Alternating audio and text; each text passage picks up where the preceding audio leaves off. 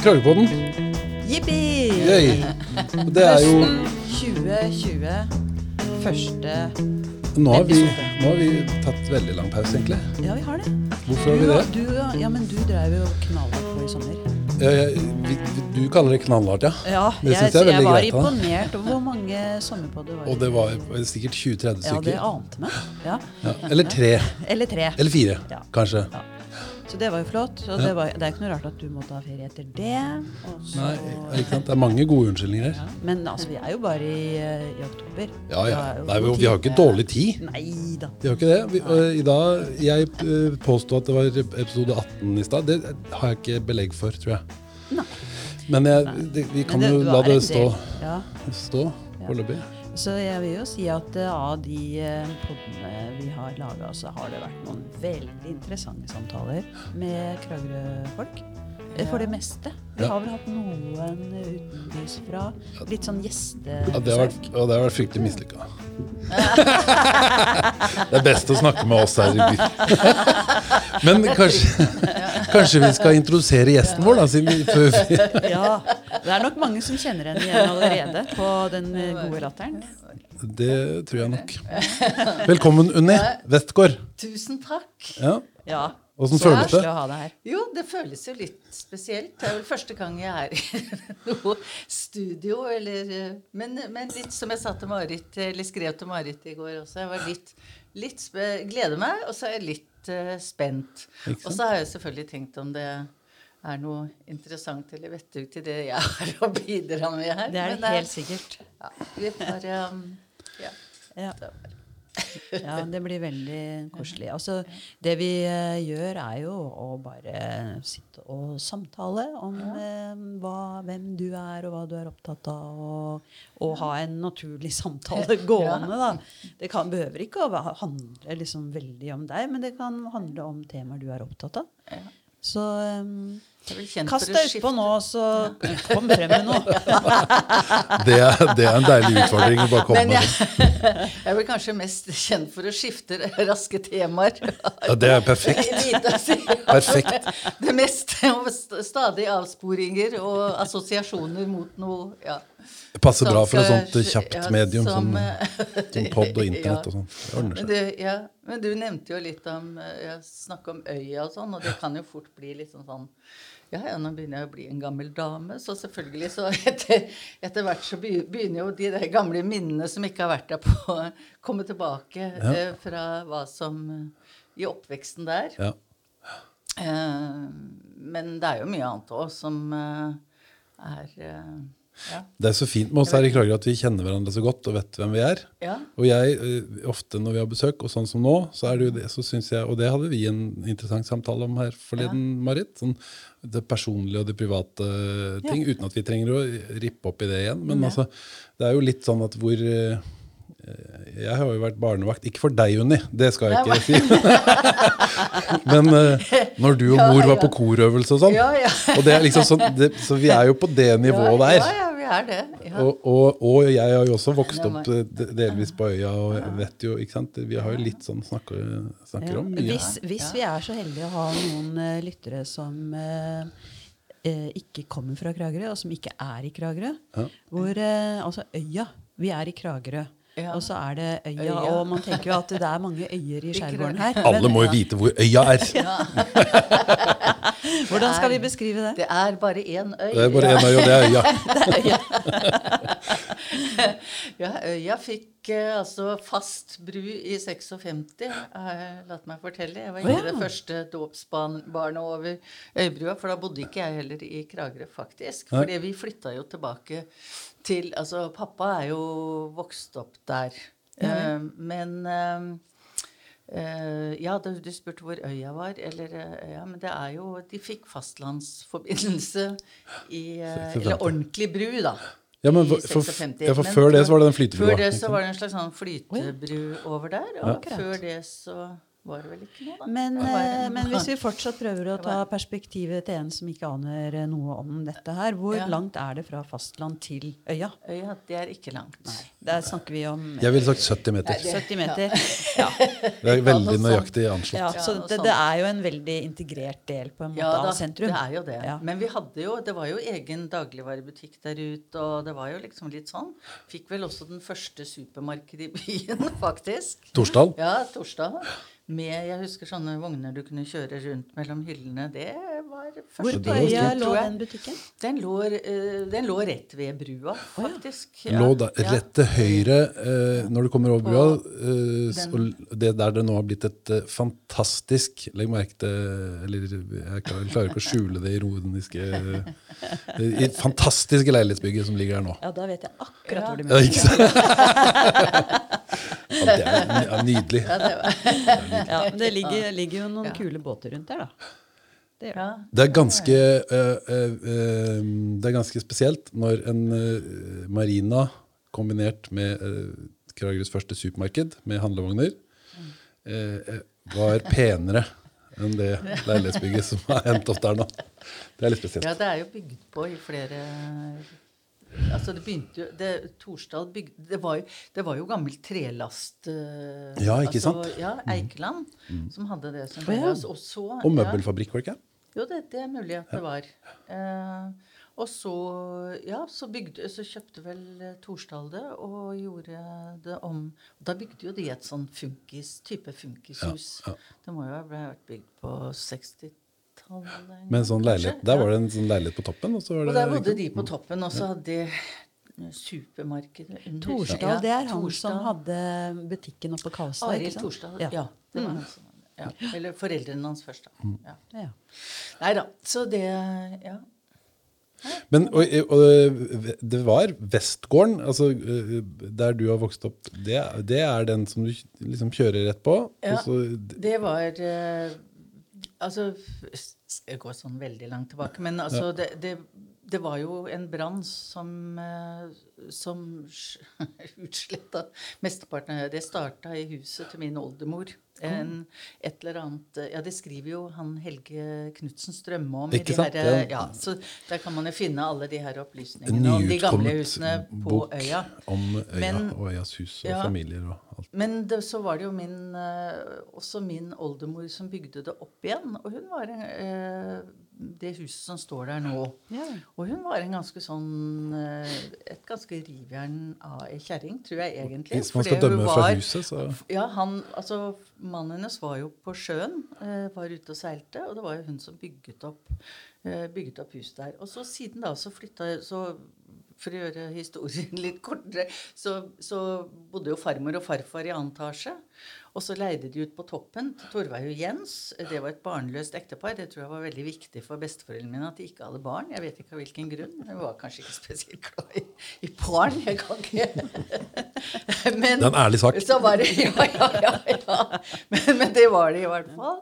Og, og så etter hvert da så, så flytta jo eh, Altså, jeg er jo Pappa drev jo gullsmedbutikk i Brevik, altså der. men når jeg var syv år, og, og Karin eh, var et par år nei, yngre enn meg, så flytta vi tilbake igjen til øya. Og da ble det jo en slags sånn generasjonsbolig i huset der, da. Eh, Med farmor og farfar i andre etasje, Torveig og Jens på toppen. De hadde TV, så der var Karin og jeg, og så Falkeklubben. så vi hadde Så de eh, Ja. Og så husker jeg det ble en hage, slags sånn- hagen gikk derfra og helt til Ja, så var det jo stor hage. Kjempestor hage der. Med, med stikkelsbær øverst, for det husker jeg farmor hadde sånn selvplukka stikkelsbær. Og, og så var det jo altså Det var jo et svært hus, egentlig, med, med sånn gammeldags bryggerhus. Jeg husker jo fyrt opp i, bå, i holdt på å si bålpanna, men i sånn altså, I grua. Opp i, ja, altså for å vaske tøy, koke tøy og sånn. Og så var det jo ellers Ja, det var jo eh, selvfølgelig frukttrær og, og, og et gammelt valnøttre og mye sånn rart. Druer hadde vi. Gamle druestokker som eh, Skikkelig, skikkelig eh, Ja. Men ikke sant, for hagen gikk hele veien fra broa, Den gikk altså, og langt opp egentlig bak, ikke Ja. bak eh, eh, Sveigårds Opp mot eh, ja. Ja. Mm. Så det, Ja det husker jeg. Det var faktisk Det- første uh, ut, Det var den første gangen jeg var engasjert mot utbygging i Kragerø.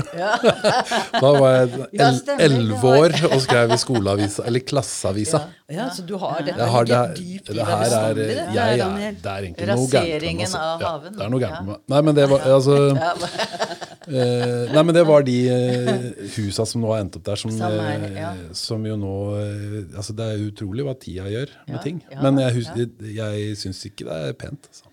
Jeg syns ikke det er noe særlig Det- det- funksjonelt. når du eller, tenker, ja, jeg er ikke veldig sånn som, eh, tenker, altså, som lener meg tilbake på ting. og tenker at det er en, eh, en ting for alt, på en måte. Altså, vi tenker Avgjørelser som er tatt og sånn, så må man leve med det, og så må man jo på en måte gå videre. er og det, nei, men jeg tenker sånn, Med øya så har jeg jo i ettertid tenkt veldig mye på akkurat det der at fader, at ikke vi var mer liksom forutseende. At ikke vi kunne tenke, at vi kunne gjort noe med det gamle altså det sto, Jeg vet ikke om jeg skal kalle det låve, men det var jo liksom et, eh, et gammelt type fjøs. Det kunne jo ligne på at det hadde vært noe dyr inni der en gang i tida. jeg vet, Det var liksom opphøyde sånne tørkeplass hvor vi satt og kunne se over eh, Hvor det sto et gammelt tørkestativ, da, og, men det, hvor det også liksom var sånn Nå går vi opp og drikker kaffe på tørkeplassen, husker jeg liksom farmor og det. Og i det hele tatt liksom det der miljøet i haven, og det også å tenke å være forutseende, at vi faktisk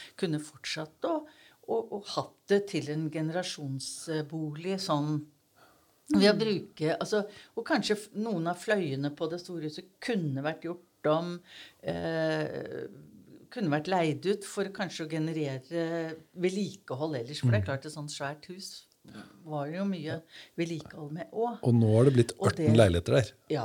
Eller Ja, mange ja, jeg vet det. I hovedhuset vet jeg ikke. Det er vel en fire leiligheter der nå. Ja. ja. Nei da.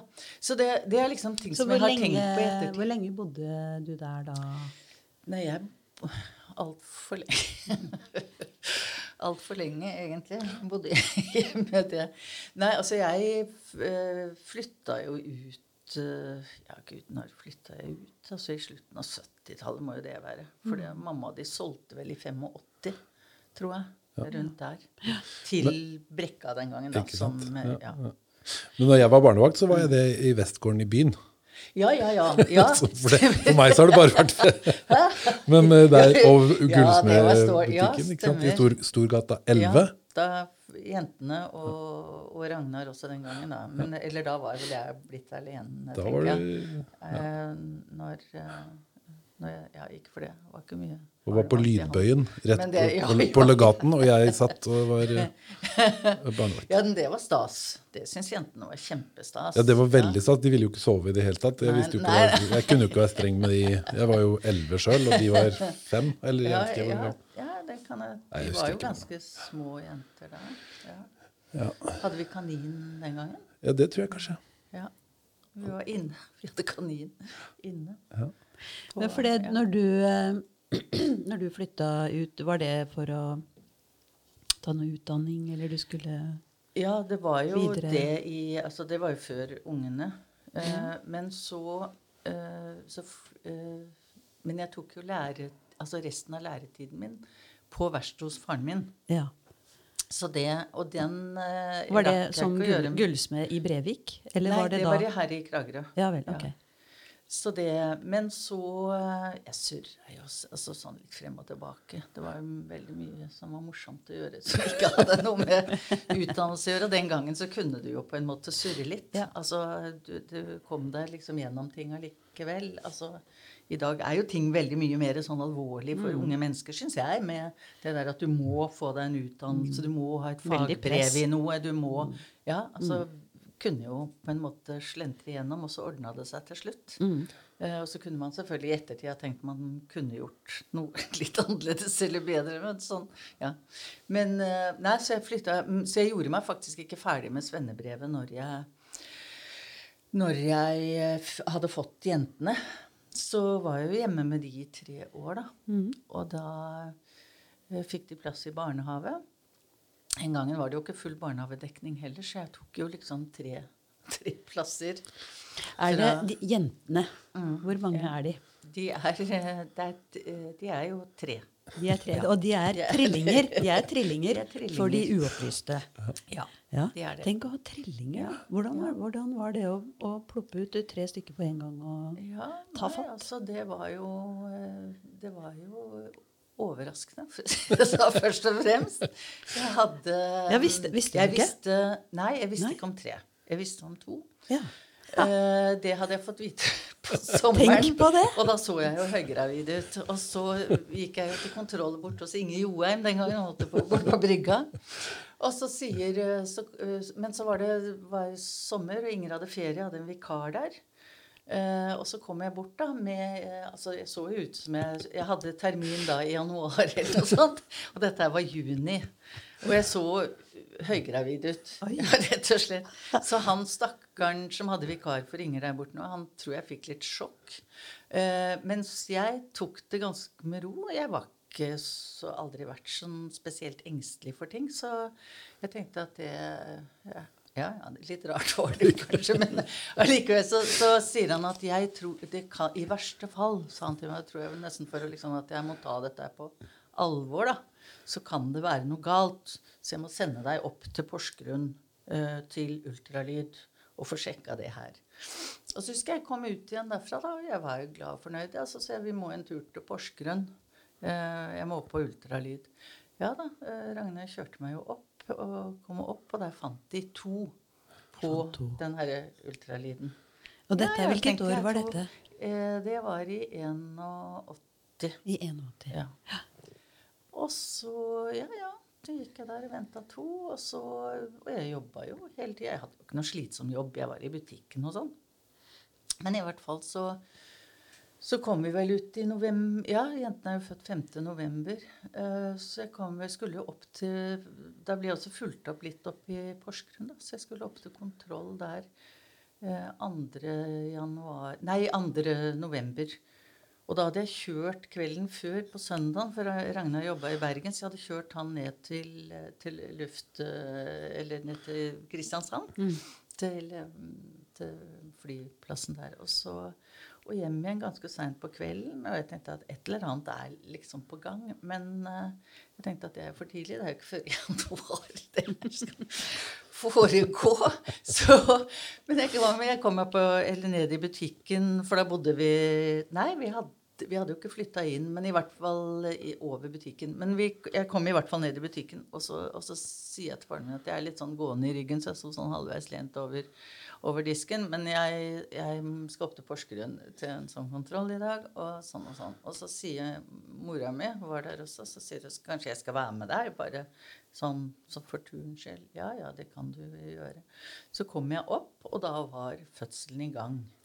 Men da trodde de så det kunne blitt trillingfødsel på E18. Men det ble det ikke, da. Eh, Jeg kom, men jeg kom opp, og da syntes de jo det var tidlig med to Altså mm, eh, to-tre måneder, det ble vel det nesten, eh, på tvillinger.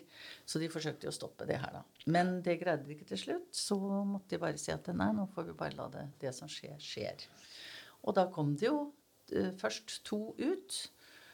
Og så sier eh, Og så sier eh, Jeg tror det er en til her, sier hun Nina, ja, som var jordmor der oppe. Og så, og så er de født altså på tolv minutter, alle tre. Å, på, ja, der. Så da var det fire minutter etter kom Hedvig med nesa i sky, holdt jeg ut. Så Så det, ja, så det var jo eh, Men hva, hva Altså, tenkte du da? Altså, da tror jeg ikke jeg tenkte noen ting. Var, men det jeg husker, det snakka vi faktisk litt om i går eh, hjemme. Vi satt ved middagsbordet hjemme eh, i går kveld, eller i går ettermiddag sammen med Nina Darwin og ja, Og, ja, så, og så sier jeg den derre rare følelsen av liksom etterpå du, Sikkert du også opplevde meg og, Ja, du også som kom opp på rommet, og så tenkte jeg ja, ja, ja, liksom jeg er blitt mor, da. Det var liksom Ja. Ja. Og så, hadde, så sovna jeg med, sittende i senga med lyset på, eh, sa de her pleierne etterpå. Og neste dag så var det litt sånn Ja, har du lyst til å se de, liksom? Har du Ja. Ja, jeg kan, kan jo si. kan jo alltids eh, For de var jo ikke sånn de var jo, Altså, de var litt prematur, men de var jo ikke altså, De var, var ferdige, de var klare for verden, de da. Det var ikke halvkilos. De var eh, eh, Begynte på sånn 15, 1500. Ja. Og Nina er vel rundt 1700, og Hedvig nesten to kilo. Så okay. de var jo egentlig Så det var jo ikke rart jeg så høygravid ut i juni, liksom. ja da, så Nei da, så Ja, siden så da fikk du se de. Da fikk jeg se Men var de, også. hadde, lå de i sånn kuvøse? Ja, de ting lå da? litt i kuvøse. Eller eh, Ja, de gjorde det. Men eh, så eh, Ja. Men, Men det er jo ikke så mange trillingfødsler i, i, på et sted som Kragerø. Så det, det er det jeg, når jeg husker, og det er det når du snakker om jentene og sånn, så Ja, ja. veldig tidlig så var det Nei, trillingene. Altså alle, Ja, ja. alle, det er jo hele byen har jo var liksom hatt et forhold til ja, De var jo litt sånn opptatt av det en stund, at jeg skulle si navnet til de. At Det altså, jeg man. brukte jentene, ikke sant. Også, eller dere. Ja, Mm. men mamma, det er jo ikke meg. litt det der. Men, eh, så de har jo vært litt opptatt av det, at de er tre forskjellige. Og de er tre forskjellige. er jenter. Hva heter de her? De heter eh, Thea, og så er det Nina og Hedvig. Ja. Thea, Så Nina og Hedvig. ja. Ja. Ble okay. det. Og nå, hvor gamle er de nå, da? De var Ja, nå blir de 39 år. Ja. Ikke sant? Så Så det- det stemmer. Min, er, er det noen av de som bor her, eller? Ja, Thea bor her. Ja vel. Nina bor i Porsgrunn. Er gift med en gutt fra Nei, han, Darwin er jo ikke fra Kragerø, men Kai og Kari Køhler. De eh, har en sønn, Darwin, som ble født i Bolivia. Ja. Ja. Og han ble gift med Nina i fjor. Så de, og de har en gutt sammen. da. Mm, det er koselig. Ja, så de, vi ser det jo mye. Hedvig er jo den som er lengst unna på Lillehammer. Men nå er jo, tar jo toget ned, da, og Ja. søker helst søstera si. Hun syns det er tungvint å bo i er rart, det der. Veldig. Ja. Ja, for det også har du da etter hvert havna i Farsø. Ja, nei, Farsøy. Altså, det er jo i Kragerø i Kragerø Det er bare så vidt. så er det et svært steg å ta. Ja, Opp i skogen? Ja, ja. Det er jo egentlig det. Ja. Og så trives jeg så godt der oppe. Syns det er så deilig å bo på landet.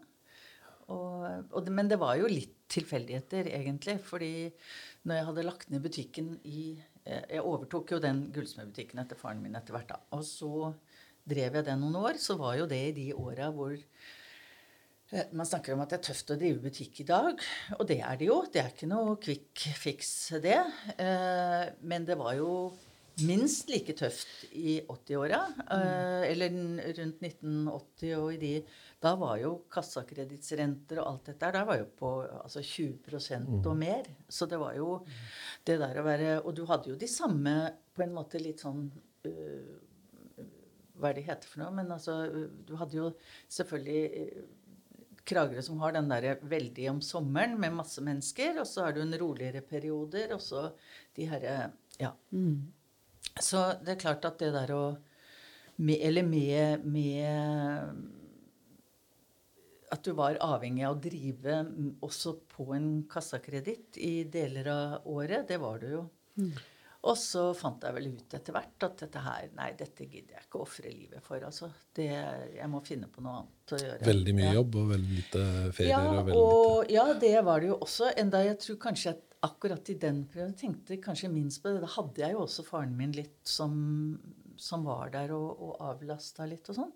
Men allikevel så var det ganske Det var ganske tøffe tider, altså. Så da fikk jeg en jobb Det var jo også et nystarta firma i Kristiansand. Så da tok jeg med meg gjengen da ned til Kristiansand. Altså familien steppa inn hjemme med å passe unger, for jeg måtte jo bare starte opp der nede. Eh, fikk tak i etter hvert et lite skeivt skipperhus i Lillesand, for vi måtte ha et sted å bo. Så da pendla jeg litt sånn Lillesand-Kristiansand. Og etter hvert da jentene kom ned, begynte på skole i Lillesand. Kjente ikke et menneske der, for det var jo to meter snø, og i det hele tatt liksom Ja, jeg kjørte frem og tilbake, så Men uh, Hva var det du gjorde i Kristiansand? Nei, det var en, det var en gullsmedbutikk oh, ja. som jeg over, eller skulle drive der nede for oh, ja. noen andre. Da. Akkurat.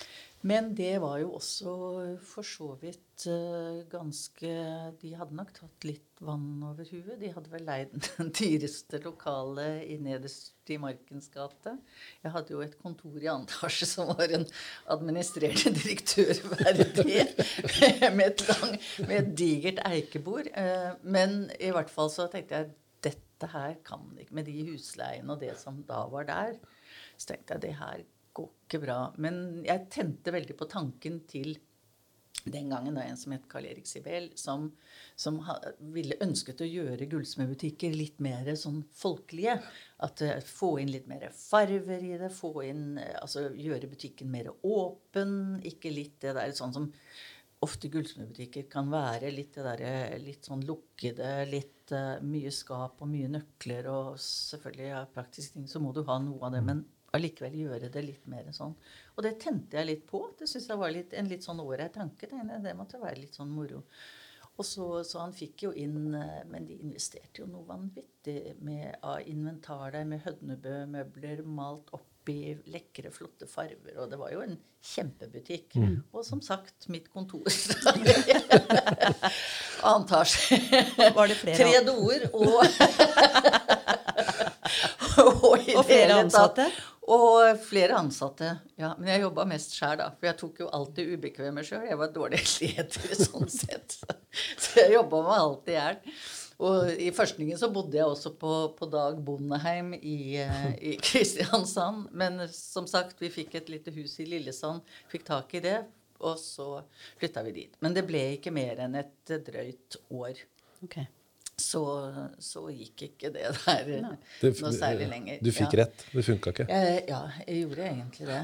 Ja. Eh, så, og da var det jo tilbake igjen ja, Vi skulle snakke om Farsø. Der ser du, der kom jeg plutselig langt ut. Vi skal, ikke, vi skal snakke om akkurat jo, det, det som faller oss inn. Men, det, ja. veldig, jeg, men jeg tenkte men på det også når du fortalte det at du eh, du gjorde det i ett Men du prøvde jo. ikke sant? Det er jo det at man må Tenker jeg, da Mm. Ta liksom litt tak innimellom og prøve seg. Og ja. går det ikke, så går det ikke. Og det er Nei, jo ikke noe altså, verdenskatastrofe. Det fins alltid noen muligheter ja, ja. etterpå. Og så får man jo masse erfaringer. Ja, ja, ja, Og det som jeg sier, det har aldri vært negativt. Altså, jeg har gjort mye rart eller rart. Jeg har gjort mye andre ting også, jeg, som jeg har prøvd ut i perioder hvor du Ja. Mm. Men, eh, men, i hvert fall da uh, var det jo Karin som Nei, da søkte jeg jo egentlig en jobb hos Tune i Oslo. Men der var jeg litt sånn Tenkte oi, flytte til Oslo nå, alenemor. Da, begynte, da var jo jentene begynte å nærme seg konfirmasjonsalder. Eh, skulle reise en del i den jobben. Eh, være Ha unger altså boende et eller annet sted i en, kanskje en drabantby. I, for jeg hadde jo ikke råd til å etablere meg på Ullern, liksom. Jeg måtte, måtte jo finne et sted som mm -hmm. Ja. Eh, det tenkte jeg, det hadde jeg rett og slett ikke lyst til å ta risken på.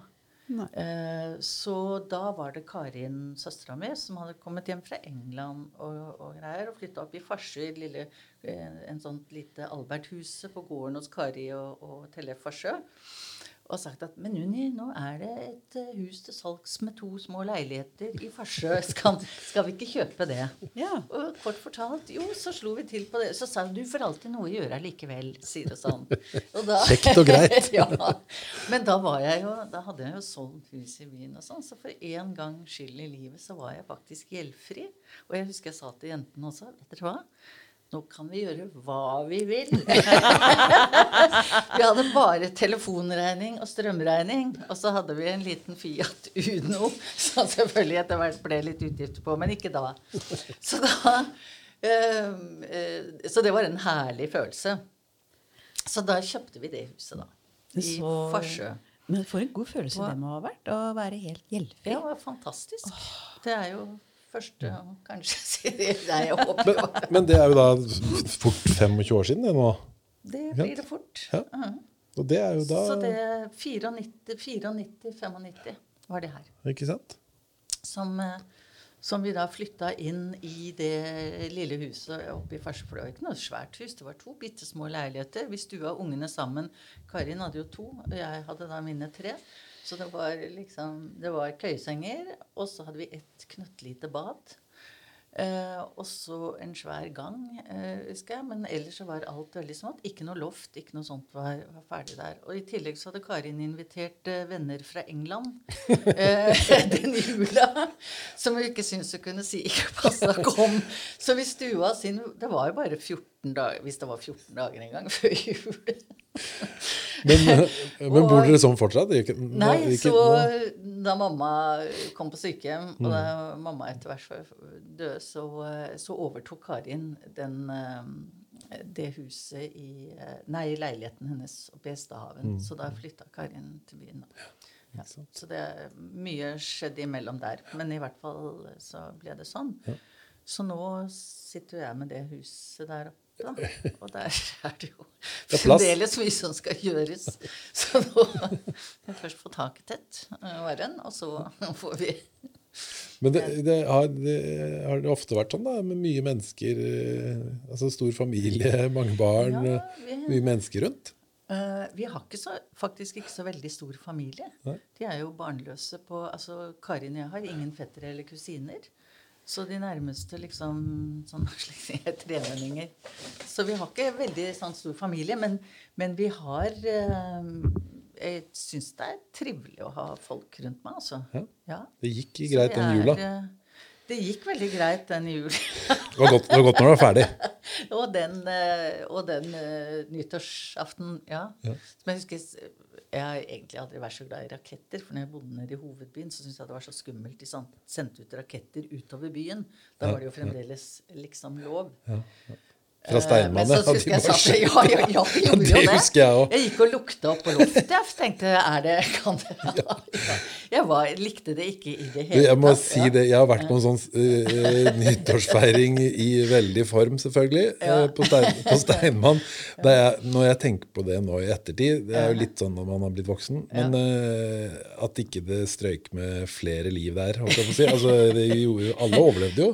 Men det, det var jo Jeg husker billedlig nyttårsraketter som for omkring mellom beina på oss Ja, alle. Ja, ja. ja. Og, og i tillegg til folk som lå litt sånn halvkomatøse her og der. ja. Så det, at det har gått såpass greit, ja. eh, ville jeg sagt var et godt argument for å bare fortsette for, på akkurat samme måte. Det vil, jeg, det vil jeg si. Men der er det meg. Altså, ikke, jeg vil ikke være med på det lenger, men jeg syns at ungdommen burde få lov til å oppleve, det oppleve det. Og hvis det går et øye i ny og ne, så synd for de, og dumt. Men uh, vi, altså, ideelt sett så burde vi jo alle gått rundt med hjelm hele Ja, ja. tiden. For det er det tryggeste. ja, ikke sant? Ja. Det er det absolutt tryggeste. Men det kan vi jo Ja, ikke. Det kan vi ikke. Så det må jo være noe som er farlig. Men jeg Ja, skjønner at du jeg skjønner Jeg var at man engstelig for det. engstelig for det der. Men det var, men når vi da kom til Farsø, ikke sant, og det var jo bare åpne jorder og skau overalt, og så tenkte jeg nå kan vi kjøpe, gå til innkjøp av familiepakninger med, med og, og vi sto på utsida av huset der og vinte, og de her eh, som Karin hadde på besøk av fra, fra England, de var mørke. Ja. De eh, var noen naboer av henne borti England der. Og jeg skal opp mot det hvitehuset, så så bare det mørke fjeset på han lille gutten som var i all den hvite snøen. Han tenker at han og mora de var livredde. For de er to gamle Eller vi var ikke så gamle den gangen. Men, eh, men de er to gærne, i hvert fall damene, som skulle sende opp fyrverkeri. Så de sto helt klistret. Men Unni, i, i farse er man ikke redd for noen ting. Nei. Nei, Ikke noen noen ting. Nei. De prøvde å skremme med ulv her for ikke så lenge siden. Gjorde de det? Men det er det mest skumleste med ulven. Ja, er- sa det ja, hva så vi kan jo. skje med den, da? Ja, den kan jo spise bikkja di, da. Det bare. Men herregud, altså. Men det skumleste med ulven er, er, etter min Det er ulvedebatten er det skumleste med ulven. Og det, så lenge man klarer å styre klar av den, så tror jeg man klarer seg ganske greit. Ja, det er jeg helt enig med deg. Men det er, ikke, det er veldig rart, det. For det er ikke veldig langt ut på landet man skal før eh, man, før man merker det skillet. altså. ja, Og der det virkelig er sånn at eh, det, er, det her er kjempeviktig. ja. Det er veldig veldig viktig å få kvitta seg med den ulven. Er det noe særlig med ulv ute på Levangseia, eller? På Levang er det fullt av ulv. Der er det en ulvebestand på Nei, vet du hva, på Levang Jeg har også flytta på landet, og det, synes jeg også, det er jo en gøy interesse jeg deler. Vi var jo mye ute i Farsø før vi fikk muligheten til å flytte ut på det andre landet som vi bor på. Så vi var veldig mye ute i Farsø, og jeg er sånn som liker å se på kart. Og så bare peile meg ut en eh, Ja, så kan jeg gå der, og så kan jeg gå der. Og i Farsø så er det jo litt sånn eh, nettverk av um, av, um, av, av grusveier og Veldig stier og gamle mye. Mm. Postveien, blant annet. Det er veldig mye, Og det der må slå et slag for uh, Mortens turskier. Helt usponsa, men uh, turer.no, Mortens turskier. Morten Ja, ja. Rug. Ja, ja, ja. Han, Kjempefine sider ja, som jøss, ja. har utrolig god oversikt på turer rundt omkring i Kragerø. ja. Mens jeg saumfarte de sidene, og har, føler jeg saumfart farsa litt. ja. Så jeg, Der møttes jo vi også på tur en dag, når ja, bikkja holdt på, Kantarellene våre. Holdt på å rev- reversere hele familien. Holdt på å ta et jafs. den var bare glad, da. Den var bare Ja, han var jo liksom åtte måneder, men nå er han ikke sant? Han, Nå veier han 50 kilo. Ja. Den er Ja. eh, en Ja, muskuløs eh, kropp. Ja, Ja, ja. Men hva slags type hund har du? Av? Jeg har en irsk setter. Men hun er ikke liten, hun heller. Sånn. Hun var veier 35, da. ja, Så hun er ganske stor og Ja. kraftig Setter er ikke de som er veldig sånn krevende, skal ha mye trim? Jo, sikkert. Og det får den også, ikke sant? Eller? Den gjør Jeg skal bra. ikke skrike etter rungende ja på det, men jeg bare Men ja, hun får tur. Hun gjør det. Ja. Noen ganger litt lenger enn en, eh, enn ellers. For det, når du sier at fint med kart og turveier og sånn, så tok jeg med familien her for eh, Jeg ble det Ja, er det Nei, det Jo, kanskje det ble nærmer seg to år siden nå. På tur, en liten ettermiddagstur, egentlig, som endte opp i ti timer. Gikk Det dere ble mørkt. godt vilt? Ja, vi gikk oss skikkelig vill. I Farsø? Uh, I Farsø. Uh, vi var over på Drangdalssida, da, for vi ble henta av Drangdal brannvesen. Det, Hysterisk morsomt. det, var, ja, det var ganske sånn vilt. Altså, Det tror jeg oppe, på. vi er jo et, det er blitt et nytt byggefelt som heter Eikenes. Oppi, og det ligger jo på Drangdalssiden, men når du kjører bil opp dit, så er det jo via hyttefelt. Liksom, Farsø. og- Ja. Det er det som er Kragerøs indre skjærgård. Ja, det er jo det de kaller det. Og det er, et veldig, det er veldig flott Det er der oppe, altså. Ja. Men er det Jeg er ikke så særlig kjent. Men er det eh, Da må du liksom på andre sida av E18? Eh, Du sier ja, altså- Drangedalssida. Ja, Drangedalssiden. Ja. Altså, men du kan faktisk uh, Du kan kjøre via Farsø, Ja. og så passerer du Det er ikke noen sånn grenseposter der, men du er passerer Altså- Men du passerer grensa mot Drangedal. altså Når du kommer liksom opp i, i enden av Tokke, blir jo dette her, da. På en måte. Så eh, Altså, Marit, ja. mesteparten av farse ligger på andre sida av farse. Nei, eh, E18, eh, andre sida av farse. eh, andre sida av E18. siden av E18. Ja. Så, men det er jo i bånn der oppe det- når du forbi Dalsfoss. Altså med på, ja, og på så den andre videre, sida. så ja eh, Så da, men da er det Jeg må bare se Er det sånn under... Ja, du kjører under E18. Ja, da, er du liksom, da, da kjører du opp til Farsø, kan Ja, du si. da eller sånn, jeg, Og så ja. Mm. fortsetter den egentlig da bare rett fram eh, oppover. Og så ender man til slutt da opp i det hyttefeltet eller på Eikenes der. Men var det da på den det- halvøya som går ut i Tokke, liksom med Rø Rønholtfjorden på ene Ja, sida og Tokke? der, Var det der der? endte vi, skjønner du. Og det, og det som var, var jo at det eh, Altså vi hadde med oss noen pølser, og vi stek, lagde bål underveis. Så tenkte jeg nå, så, Sånn ettermiddagstur, som jeg sier. Ja, vi hadde tatt med oss litt mat og sånn, heldigvis. Eh, men så, så eh, fulgte vi liksom en blåløype, og det var antagelig noen i hytteforeningen der som hadde begynt å lage noen sånne løyper. For jeg kan ikke tenke meg at det har vært eh, um, han som du Hva het han? Morten. Morten. Ja. Eh, Så tenkte jeg så kjekt, de er jo merka med blått, så vi fulgte den der blåløypa og gikk og gikk og gikk og gikk. Og så tenkte jeg nå må vi jo snart begynne å liksom svinge til venstre, eller komme ned på, på en måte der hvor vi hadde endt opp, for det så ut som det var en sånn rundløype. Men så begynte det å bli mørkt, og det siste vi liksom gikk ned, var en forferdelig ur, og den var også merka. Men eh, også med blått. tenkte jeg. Og da ble jeg litt forbanna, for jeg tenkte er det mulig å legge en løype ned her, liksom? Er dette her er jo noe sti. Det var en der. ja. Så kom vi ned til SE, og så tenkte jeg nå vet vi ikke Så sto det, så sto det håndskrevet som vi greide å få lese før Mørten tok det. Eh, Slottsvika. Um, og så hadde, heldigvis vi hadde telefoner og alt. Men så ringer Thea og lurer på sønnen hennes blir av. For han var barnevakt for, for, William. Og så sier han vi er i ferd med å gå oss vill. Uh, så, nå, så vi vet ikke hvor vi er. Og så sier hun skal vi ringe politiet. Skal jeg, skal jeg ringe politiet? sa hun.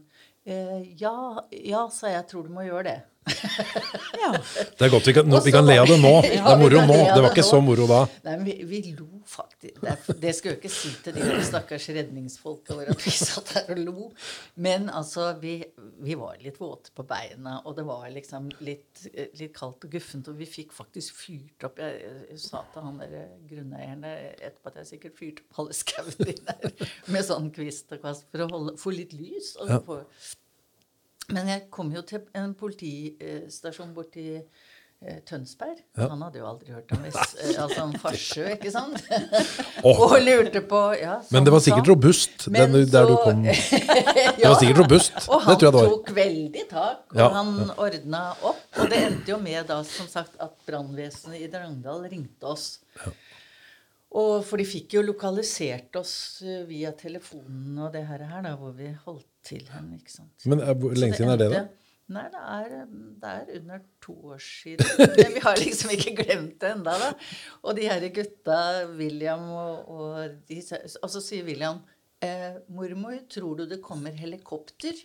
Så Nei, sa jeg. Det tror jeg ikke. Jeg bare, men, men, hva kom de med? Med båt? Eller? De kom med båt. De gjorde det, ikke sant? Ja, og bikkja først om bord. Ja, ja. og vi andre da, og kjørt. Og veldig Men da dattera mi begynte å si ja, dere får vel egentlig godt betalt Unnskyld. Får litt godt betalt for Så fikk jeg liksom den der Nå må du ty stille, ja. Dere er ikke lei dere for det her. Kom det liksom stakkars ut i mørket tre karer i en sånn uh, redningsbåt som de måtte hente i Drangedal, og så uh, sette den ut ved Merkebekk ja. og over da Tukke i stuvende mørke. Og vi hadde jo telefonkontakt med dem som sa at vi, vi, må kjøre veldig forsiktig. Går det bra med dere? Liksom, ja, ja, det går bra med oss. vi må kjøre veldig forsiktig, for det er så Ja. Mm. ja da. Så den turen, den tok ti timer. Ute. Ganske ja. dramatisk, ja, ja, jo, jo, men altså Jo da, altså, vi hadde jo, vi hadde jo overlevd, for å si det sånn. Men vi, det er klart at en natt der ute kunne jo og så blir man så kald. Ja. Ikke ideelt. Det er ikke ideelt. Det. Men en erfaring, ja. det òg, da. Ja. Mm. Det, man, man, trenger å ha gått seg vill i farseskauen. Noen om hver kan trenge det. ja. ja, altså De første åra der oppe For jeg var jo, syns jo det var er trivelig å gå ut med soppkurven. Jeg er ikke noen soppkjenner, av noe, men jeg har noen ikke sant, som du kjenner. Eller noen sorter. da. Og du går jo Altså, jeg syns jo det er altså, tok med meg kurven og gikk ut, så ble jo turen noen ganger litt lenger enn jeg hadde tenkt. Ja. Men det er jo litt som du var inne på, Daniel, det er jo masse veier på kryss og tvers oppi ja. der. Mm. Så du kommer alltid, i hvert fall i, i området sånn ikke for nære Drangedal. Nei, ikke sant. Ja, men vi er jo litt sånn bortskjemt her på, Vi er jo litt sånn bortskjemt her i Kragerø på en måte, fordi at man har alltid sjøen å, å referere til. Mm. Ja. Og sånn er det jo på Stabbestad, og det er jo et fantastisk turområde. Ja, og det er Virkelig det villeste, altså. Der ute. Ja. Og der er det jo også sånn at det er veldig sånn demokratisk med topper der. For alle, mm. De deler litt på utsikten, alle sammen. Du har litt utsikt fra både her og der. ja. og, så, um, så, og, så, ser man jo sånn hvor man Men det er jo også, når jeg kom ut der, så var det jo noen avstander som jeg, jeg så på kartet og så tenkte jeg, ja, men det her går jeg sikkert på en time eller to. Ja. Og det er også sånn fire og en halv time seinere. ja.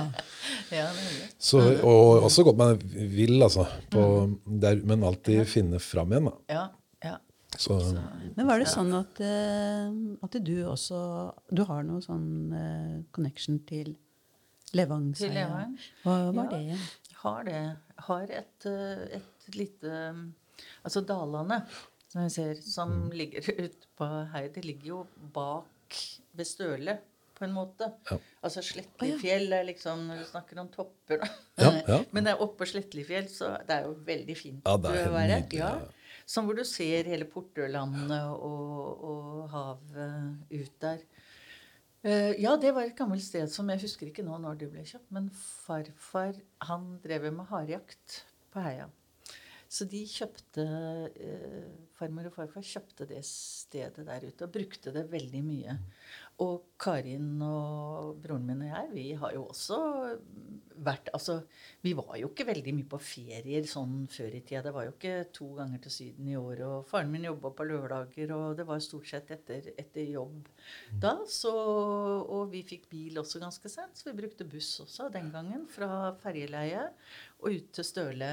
Eller via Heistad, som er en av gårdene til legaten, Ja. legatet der. Der. For der bodde jo tre veldig, veldig koselige gamle søsken som vi hadde mye, mye med. Jeg var innom Marie og fikk eh, varme hønseegg eh, til kvelds og, og, og melk fra brønnen som hun hadde spanna med. Hun hadde to kuer og ja, noen høner. Det er jo, sånn. Det er jo eh, ja, det er jo, jeg skulle jo eh, tro den var 150 år.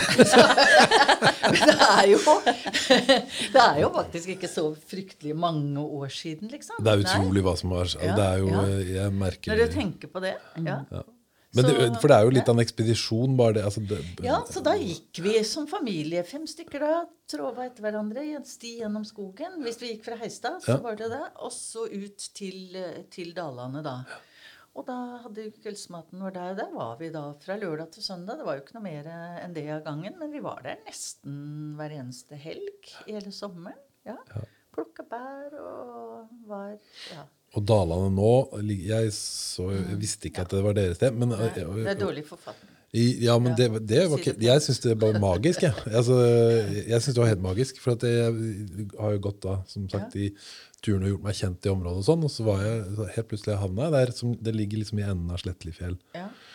Og så er det jo eh, Det er klart det bærer preg av forfall, men man ser, altså, man ser jo at det er eh, Ja, her har noen drevet, da. Her har noen ja.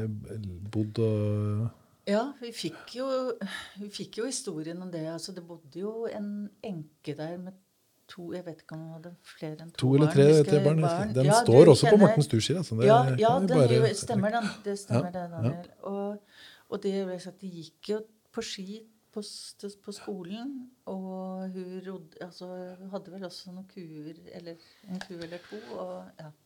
Du kan sikkert rodde- mer om den, nei. Ja, nei, jeg bare leste den historien. Hun, Mm. hun bar, da ble enke, og, og bar med seg melka gjennom skogen og, og rodde til byen. Mm. Og solgte melk og fikk mel igjen, og dro hjem igjen med mel og, og bakte. Fantastisk. Så det er jo, og det er virkelig midt i skogen. Det er- altså Det er, ja, det er det. virkelig, virkelig ordentlig midt i skogen.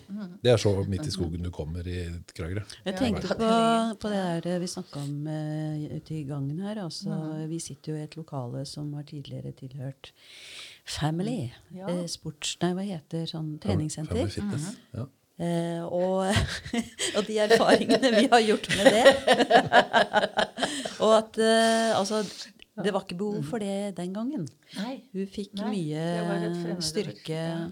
Ja, krefter, trim. du gjorde jo det. Ja. Ja. Og som kanskje det- kan oppleves litt mer meningsfylt. da. Ja, ja absolutt. Altså det, vi sykla utover også veldig mye. Og også etter at vi ble større, så øh, Ja, vi brukte Dalane også da, sånn, og vi fikk lov å være der litt alene og sånn. Og, men også ut til Marie og Jørgen og, og Carl da på Heistad, hvor vi sykla ut med fersk loff og jordbærkurve til de her gamle. Og så fikk vi låne hesten og Men altså, vi, ja, vi var i aktivitet, og vi var i ja, Og litt av det samme føler jo jeg egentlig altså så nå også med å bo der jeg bor. At jeg, jeg har ikke noe behov for mm. Det er klart man har sikkert behov altså Man har sikkert eh, nytte av å kunne mm, få større muskelmasse. alt det her, men, men som jeg sa sånn i stad også, at det, det der å være ute Altså, hva er det jeg trenger? Jeg, vi er inne, altså alle, mer eller mindre. Vi er inne mange mange timer om dagen. Det vi trenger, er jo ikke å stå og jobbe og svette på et treningsstudio. Jeg, kan, jeg liker egentlig ikke å være svett, da, det må jeg innrømme. Men men jeg blir svett når jeg går bakkene i Farsø. Altså, ja. Og er ute samtidig som jeg Som det derre at det er stillhet og, og ro. Altså den eh, Og det var akkurat i går, forresten. Jeg var ute med William, William og Edvard, de er to barnebarna mine. og det er jo noe med altså Det er mye skriking. Altså Unger roper og skriker jævlig mye. Og så prøver, er jeg veldig forsiktig, da. Men liksom, for du har jo ikke lyst til å verken støte foreldre eller noe som Kanskje vi skulle sånn. brukt Men innestemme? jeg sier Ja, så sier jeg det verste Nei, så sier jeg det, ja. Nei, det verste er egentlig all den jævla skrikinga. Så etter Nina Ja, men mamma, du har det jo ganske stille sånn ellers i året, da. Nei, ellers om dagen, da. Så, så du liksom tåler det litt. Ja, jo, jo, sant nok. Jeg kan gå der. Jeg, kan, jeg tåler det en time en søndag, liksom. Men, eh, men det er jo noe av det jeg syns er deilig når jeg kommer hjem. For jeg, altså jeg blir jo litt sliten av min egen snakking og i butikk og alt. Og noen ganger så tenkte jeg nei, nå må du ta deg sammen. Nå må du, ikke, nå må du prøve å kutte liksom før du, før du har eller, ja, sagt alt eh, Begynt på en ny samtale eller en ny sånn greie. Men Jeg, tenkte, ja. jeg tenkte også på Uh, ja, det der med når man er i bevegelse, enten det er for å komme i bedre form, eller uansett, at det, det visuelle, altså estetikken, har jo også mye å si. Ikke, sant? Ikke bare at det er frisk luft, og at det er Men det å få oppleve eh, svingningene i året, altså fargene ja, ja, ting som skjer i naturen. Og at det, eh, det kan man jo ikke oppleve inne på et treningssenter på den måten. Ja. Eh, og, og at vi på en måte går litt ut av den eh, konsumentrollen da, som bare naturen kan eh, gi. Mhm. Det føles eh, Ja, det, er, det gir noe voldsomt sånn sett. Mhm. Absolutt. Uh, ja, for meg òg. Altså det å, som jeg sier, bare være ute, eh, sette seg ned på en stubbe. Bare, bare sitte og Altså, jeg vet ikke om det liksom er sånn veldig Men det er en, en eh, Noen ganger kan du nesten føle det som en sånn ren lykkefølelse. Altså Søren, så heldig. Så, ja. ja. De der øyeblikkene. Det er ikke sånn hele tida og hver gang og sånn, men, men litt det derre at du Jeg liker på mange måter å gå litt aleine, eh, også i, i skauen. Eller ja, det går jo ofte til at litt kjente rundene og sånt nå, i hvert fall skal lufte Eller at tanka skal få seg en løpe, noen når du kan løpe litt løs og, og, og være det. Men Og det er Altså, det kan jo så lett bli litt sånn Men det er, eh, det er en form for lykkefølelse i det, altså. Og luksus. Virkelig luksus. Ja. Men, eh, men eh, tenker på Altså, det gjør jo Når vi får sånne opplevelser, så eh, gjør jo det noe med at vi må tenke på hvordan vi kan eh, passe på sånne områder. Mm. Eh, at ikke ting eh, liksom blir nedbygd, eller at ja, Mm. klimaendringene altså de, Ikke sant? Eh, eh, ikke bare for vår del, men altså i det hele tatt for alle artene. Og, og kloden, da, for å si de store tankene. Mm. Eh, og, og jeg, jeg vet jo at du Du har jo også hatt et politisk engasjement. Kanskje har du det fremdeles, for alt hva jeg vet. Men er, er det noe av det som har gått inn i når du har engasjert deg i politikken, hvordan, hva tenker du liksom om akkurat sånne type verdier som du akkurat har beskrevet nå? Eh, inngår det liksom i, i det grunnsynet ditt, eller? Ja, det gjør det nok. Eh, Men samtidig så kan du si at akkurat da jeg var med sånn litt i politikken, så, det, så er det såpass lenge siden nå at altså det her med, med klima og fokuset på det, det var jo ikke i samme grad Nei. den gangen som nå. Så jeg må kanskje være så ærlig å si at eh, jeg var nok ikke bevisst det på den måten da som Nei. du er i dag, hvor du også får inn liksom fakta på, på en helt annen måte. Så eh, Men det å Det at man skal altså bevare, altså bevare og med jeg vil- si sånn eh, Hva skal jeg si Grunneierne oppe i Farsø. Det er jo altså Det virker jo som om veldig mange der er Altså de bruker De bruker hva skal jeg si, eiendommene sine på en måte. da, altså De bruker de riktig. Tror, sånn som en, en fyr som teller Farsø, f.eks., som har jo ganske mye skog der oppe. eh, virker jo veldig sånn bevisst på hvordan han forvalter eh, skogen sin og, og, og eh, ja. Det, vi, vi var en, da vi var i tur der, så eh, kom, det var helt sånn strøkent. Jeg tror det var på den tida her i fjor. Mm. Så helt sånn strøkent, og de stiene er kjempefine opp til havfjell der. Mm. Med, og, og da eh, utsikt til havet Mm. i Farsar. Og der er det en sånn eh, rasteplass med, der det ligger ved Mm. klart. Og når vi kom, så var det fortsatt eh, glør i, i bålet. Så vi, var, vi kunne bare hive på et par kubber.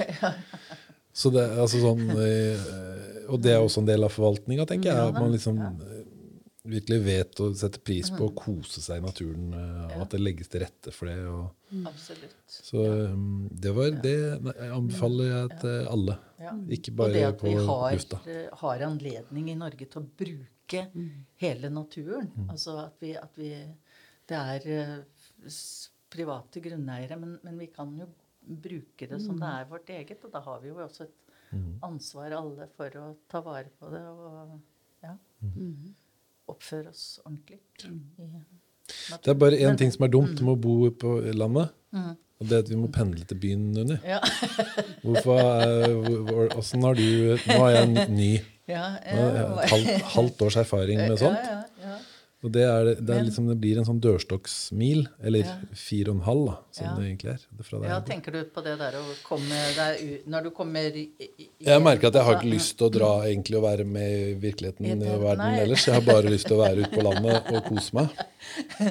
Jo, men altså, jeg er jo litt der, jeg òg. Jeg Mm. har eh, selvfølgelig nå jobben min i byen. Mm. Og må ut da stort sett hver dag. Men, eh, men jeg må si for det første når jeg kommer hjem Jeg koser meg veldig Mm. hjemme. Altså deler jo hjemmet sånn generelt. Men også det der at jeg, jeg har ikke noe sånn veldig stort behov for å reise ut igjen på Det er det. Nei. Det er det. Bare. På godt og vondt, selvfølgelig det, da. Ja. Men, og selv nå når jeg har begynt å få litt mer sånne fridager, så, så syns jeg faktisk at eh, jeg utsetter liksom allikevel ting som jeg kanskje burde ordne i byen og sånn. I dag har jeg faktisk samla opp et par ting, siden jeg likevel skulle ut der i åren. Men, men det Men ja. Jeg, eh, jeg kunne kanskje bare vært i Farsø. Noe som jeg Nei, men noe som jeg har vært så også fascinert av. fordi at Karin og jeg arva en liten hytte mellom Haukeligrend og Hovden. Ja. Det er jo Vinje. Eh, og så hadde jeg Nå skal jeg ikke dra hele den, for det, det, Men jeg hadde jo en, en vintersesong som jeg jobba på Skinnarbu høyfjellshotell. Det er nesten en historie for seg sjøl, for det var jeg opplevde jo mer på de månedene enn jeg noen gang kunne forvente. Men i hvert fall, jeg ble jo kjent med en del mennesker som, som var, bodde i Møstrand-området. Møstrand og rundt mm. eh, Ja, rundt Møsvann. Eh, Noen jobba litt på bl.a. Uh, Anne Grode, som bodde inne på den veiløse gården inne på Arghovd, inne ved Mogen.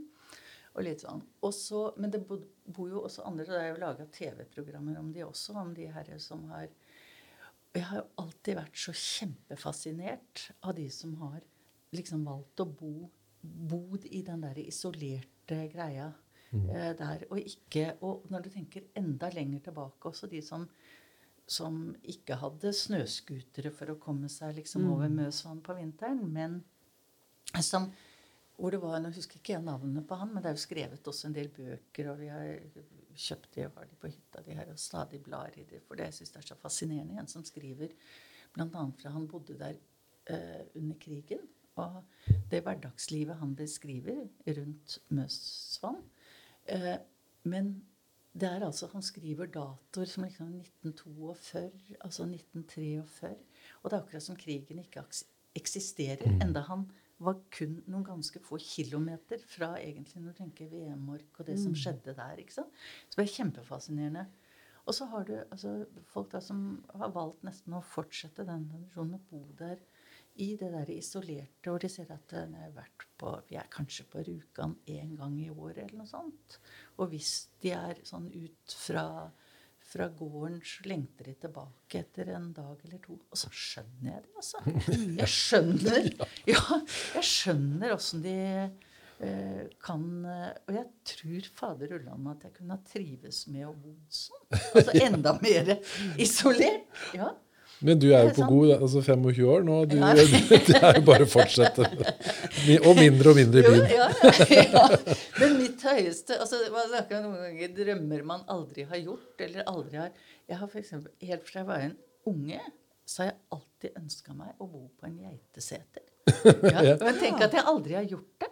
Altså, aldri har tatt det steget og liksom fått meg et småbruk ved Møstrand eller noe sånt. Men da er du på Nei, da, det er litt sånn flåsete. Men, men oppriktig talt, jeg har alltid liksom Jeg elsker geiter. Det er det morsomste dyret jeg vet om. Uh, og jeg, jeg, Ja. jeg ser for meg Men Unni, kan ikke Ja. du bare kjøpe må- en gjeng med geiter og ha på farse? På Farsø Jo, jeg har faktisk vært inne på tanken. Ikke en gjeng, men en sånn én og to. Men så sier de Men de ødelegger jo noe så forferdelig. Hvis du skal liksom prøve å ha det litt hyggelig rundt deg også, så må du ha det i bånd. Og det er jo ikke liksom Nei. hyggelig. Men jeg kunne godt ha tenkt meg å ha hatt en geit eller to. Ja. Men eh, nei, det har blitt med tanken på det, da. Ja, ja. Men, eh, men jeg elsker jo når jeg kommer opp og vi har geiteseter i nærheten. Og tenkte alltid denne unnskyldningen med å kunne reise bort på seter at jeg nå hadde barnebarn, da, så jeg kan bruke det. Så skal vi reise bort og se på geitene. Og så er det greit å ha noe en- som trekker utafor farsa, at det er liksom noen Ja, geiter ja, på. ja, ja. Da er det geitene oppi Haukeli. Liksom. Jeg bare Ja, fint. Så deiligheter. Nå har vi, nå har vi snakka godt en time, vi. Nå, Yes. Det er veldig, det går unna. veldig artig å høre på det. Nei. Jo, det er det. Kjempeartig. Ja, hyggelig. Ja, jeg syns det. Jeg, jeg, jeg tenker på det her med Du brukte ordet luksus. Eh, om at man kan være ute i naturen. Mm. Og, eh, og sånn som utviklinga går, på en måte, så blir det eh, det mer primitive som Mm. blir luksusen. Eh, og det er jo noe som har snudd. Eh, ja, og det er kanskje noe med den Mm. Det- tida med hvor vi har blitt bevisstgjort. Ja. At du nevnte det med å bli bevisstgjort Mm. eh, en del ting. Eh, de siste, la oss si f.eks. 10-15-20 åra, kanskje, da, hvis Ja, vi tar litt tid. Så, eh, så blir naturen eh, luksus. Mm. Det å trekke seg tilbake fra, fra bylivet. Har du noen tanker rundt eh, eh, den utviklinga av, eh, av Kragerø bylivet? Altså, nå tenker jeg sånn med utbygginger og den slags type ting. For vi har noen i rommet her som er veldig interessert Ja, jeg jeg, trodde, jeg trodde kanskje vi klarte å unngå det den gangen. her. Jeg, vet, eh, nå, jeg har jo begynt å gi F, så sier jeg ja, nå har du bare trukket deg ut Jo, på men landet, du. ja. Jo, men det blir jo kanskje på en måte litt sånn etter hvert òg, da. At du når ser Altså Jeg er også Hva skal jeg si om det? Jeg, jeg har kanskje, for å være helt ærlig, ikke helt orket å engasjere meg så veldig i det. Mm. jeg har eh, tenkt at det blir bra til slutt. Eh, jeg har altså eh, Det derre arkitektoniske som skjer der, jeg tenker eh, Ja, altså syns jo ikke det er spesielt vakkert. eh, sånn sett. Men eh, så tenker jeg litt villvin oppå Nei da, nå bare tøll. Men, men det der med men jeg tenker når det kanskje liksom får altså, Når det blir ferdig der nede, da. Altså, eh, når det, når Nå tenker når du på Kirkevokta? Får, ja, nå tenker jeg Kirkevokta Ja. Mm. og liksom utbyggingen der. Ja. Eh, men altså eh, Etter hvert så Jeg syns det blir, eh, det blir så mange meninger. Og van, jeg syns det blir vanskelig å på en måte holde tråden og følge med på det. Og til slutt så blir det kanskje litt sånn som du sier, Daniel, at du gir på en måte litt opp. Og så har jeg tenkt som så at ja, kanskje det blir bra til slutt. Men det er jo fint med en sånn grunnleggende optimistisk og positiv holdning til det. Men jeg syns det er spennende med uh, det der med, og det tror jeg ganske mange kjenner på, at man ikke, at man ikke orker. Man orker ikke å engasjere seg. Og det syns jeg, jeg er litt sånn spennende å snakke om. uh, egentlig, for det, hva, hva innebærer det? Hvorfor er det sånn? Altså, er det så, er det, må man Krever det- så mye av en? Og, og jeg òg, for at jeg merker at jeg jeg blir sliten av meg sjøl, og jeg blir sliten av prosessene, og jeg blir sliten, og jeg, og jeg, jeg er veldig sånn på. Og så, er, så blir jeg veldig sånn Vet du hva, nå kan jeg være i skauen på Stabstad i 25 år. Ja, Men kanskje det skaper litt utmattelse. Eh, ikke sant? Fordi det er, det er et enormt press hele tida på dette utbyggingsfenomenet. Ja da. Eh, som er Altså det er jo på flere kanter, f.eks. rundt lille Kragerø by, hvor, hvor det er veldig press liksom, på å få bygd ut. Og, og det er liksom en del av et sånn et, en, eh, en type kultur som kanskje er egentlig litt gammeldags. ikke sant? Med, at vi, med det konsumentsamfunnet da, som vi egentlig trenger og har lyst til å bevege oss vekk fra. Men det er de der kjente spora som det går i. fordi jeg tenker at det er, eh, det er de der kapitalinteressene da, som eh, Det presses på, liksom. Det, ja, det, eh, det er jeg, sånn At vi har den muligheten til å kunne trekke oss vekk fra det, er det som blir luksusen. Nei, jeg, og og det, det presset det står så hardt at man rett og slett blir utmatta. Man blir lei. Man må trekke seg unna. Jeg, jeg, jeg vet ikke. Ja, nei, altså det Det er jo Ja, nei, det er Altså, du har jo også de herre eh, Hva skal jeg si Den derre nærings... Altså, hvor politikken også kommer inn, ikke sant? For du, du har jo ikke trykket bare fra, fra de herre kommersielle bit. Du har det jo også fra at, at byen på en måte skal utvikle seg. Hva skal vi leve av? Hvilke arbeidsplasser skal vi ha? Skal det være eh, Nå er det vel definert at vi skal være en turistby. Eh, og så eh, Ja. eh, har vi kapasitet til å ta imot alle de her turistene som kommer? Hva skal på en måte eh, Nei, altså jeg, har, jeg, jeg- har nok ikke noen sånne veldig Men jeg, jeg, jeg tenker jo at um, Ja, hva tenker jeg? Altså eh, Den derre å hva, Hvilke alternativer, eller på hvilke andre måter kan vi gjøre det? Eh, og det Kanskje kommer de kreftene som har de for lite frem, da. Eh, på å mm, Altså alternativene. Fordi noen ganger når jeg også hører på eh, skal jeg være forsiktig med å legge ut liksom Kragerø bys venner eller eh, sånn i det, men jeg tenker jo også noen ganger at hvilke alternativer tenker de seg? På hvilken måte kan ting gjøres annerledes? Altså den der litt mer konkrete biten der. Fordi det er jo egentlig ganske konkret, det som skjer der nede. Og det er jo den derre prosessen i, i, i det politiske, ikke sant? Og, og, og hvem som eh, går inn for hva. Og, og, og, så, så kommer det jo på en måte en interessegruppe inn som også har mye for seg, for all del.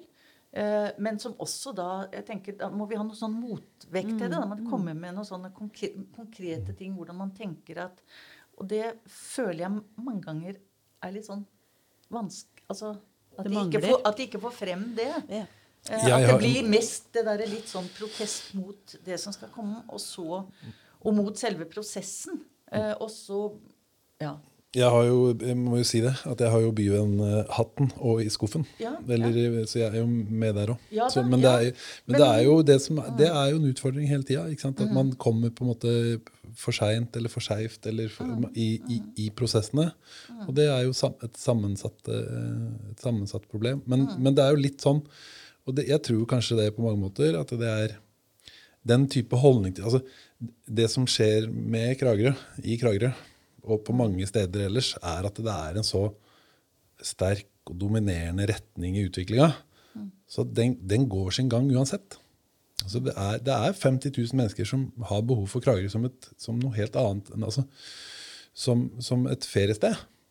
Og da, da vil det nødvendigvis være sånn at det er en mye, mye forholdsvis eh, sett mye, mye større kraft som driver utviklinga fram her på en måte som ikke Og så, så er det klart at det, så, så er det mange måter å svare på det, det, det behovet.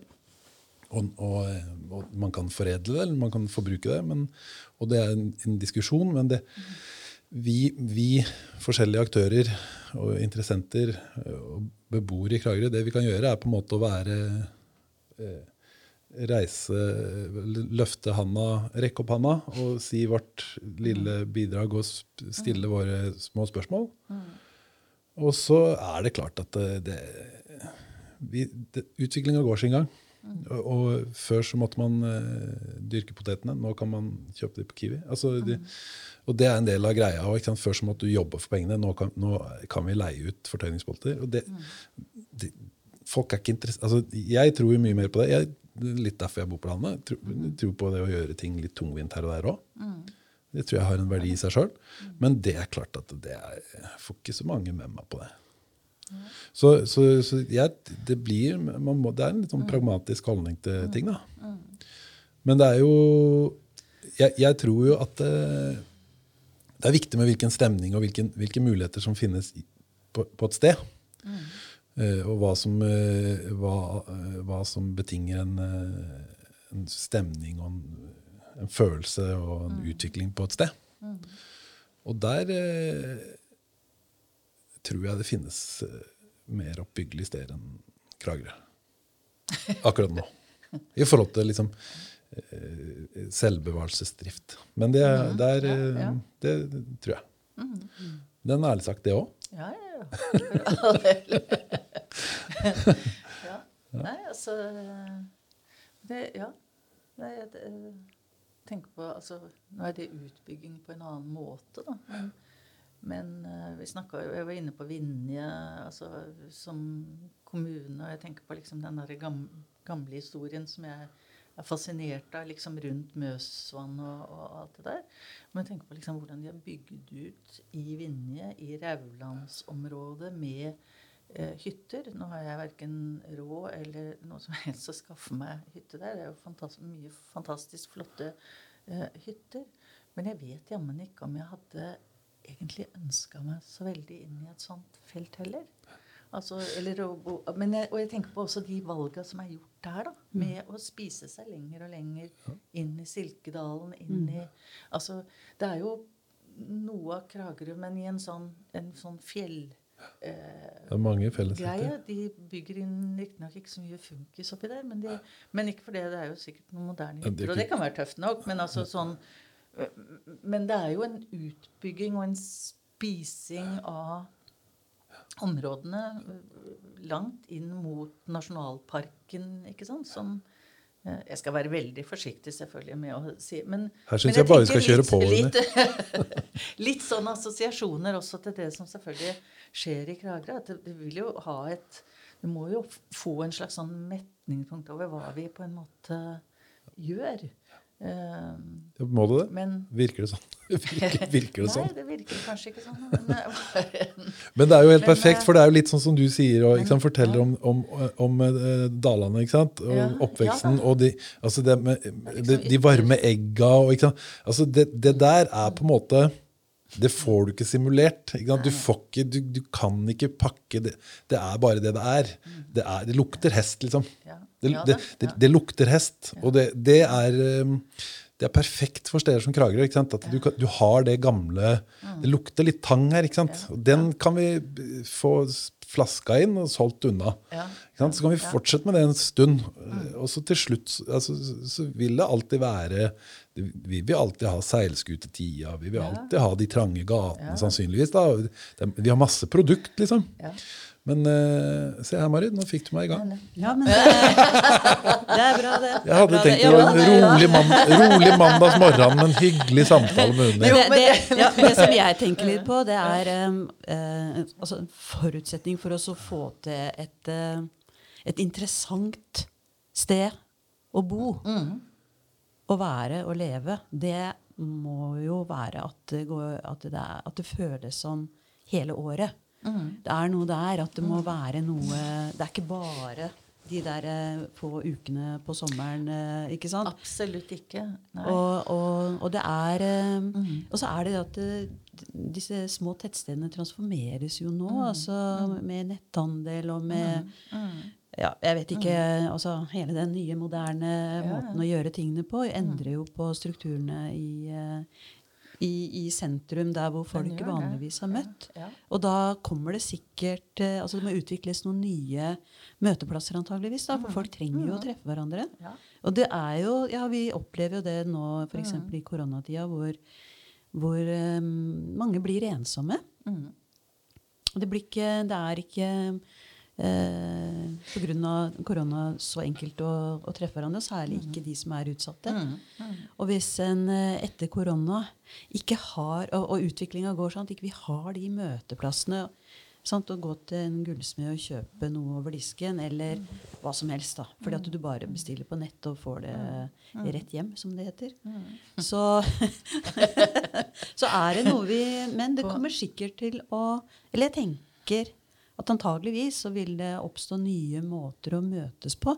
Men akkurat hvordan det skal skje, eh, det vet jeg ikke. Nei. Det er, og det er ikke, altså, ja. Nei. Eh, Jeg tror akkurat det der med Siden jeg nå startet opp igjen en, eh, en butikk for ikke så mange år siden, Mm. eller tre år siden, så, så tenker jeg det at eh, selv om jeg var inne på her tidligere med det der med å drive, og det er ikke noe sånn quick fix og alt det der, eh, men samtidig så har jeg veldig trua på at eh, det vil være behov for de her Ja. butikkene. ja. Eh, i, i også små og større sentrum. Altså sånn. Og jeg tror også at altså Når jeg tenker på min egen butikk og i, i Kragerø-sammenheng, så jeg syns nok ofte at det blir veldig sånn haussa opp, den derre At det liksom bare er de doble hva skal jeg si, altså befolkningene i juli som er viktig for forretningsdrivende i Kragerø. At det er liksom Å, nå ser vi bare frem til sommeren hvor vi kan få på en måte Det er det vi lever av hele året. Så må jeg jo si at uh, for egen del så tenker jeg ikke sånn i det hele tatt. Fordi jeg tenker jeg er avhengig av at folk bruker meg hele året. Og det opplever jeg at Kragerø-folk gjør. Jeg opplever at de er veldig lojale mot butikkene i Kragerø. Det er klart Vi får ikke alt her. Vi må noen ganger ut av byen. Og det er klart at vi kan slenge med oss en ekstra ting eller et plagg der eller noe sånt når vi er Men jeg opplever at de fleste i Kragerø er bevisste på å bruke butikkene i byen. Og jeg sier at eh, jeg kan ikke leve av de ukene midt på sommeren i Jeg driver jo også Det er klart det er sikkert eh, bransjer som er mye mer avhengig av det for å liksom ut på skuldrene Eller for å, å tære på den der sommeren de andre månedene i året. Men hos meg så blir det jo på en måte litt mer planlagte kjøp. Altså, det er i bursdager, det er jul, det er eh, barnedåper eller, eller navndager, og, og folk skal, har anledninger som de skal ha noe til. Så det der veldig impulssalget som du kanskje kan håpe i at de sier at det har vært 65 000 mennesker på én dag i Kragerø i sommer, det drar ikke jeg på samme måte nytte av. Eh, samtidig som jeg sier at det er jo flere å selge til, så det er klart at noe mer omsetning har du jo også i den Jeg sier den måneden. Mm.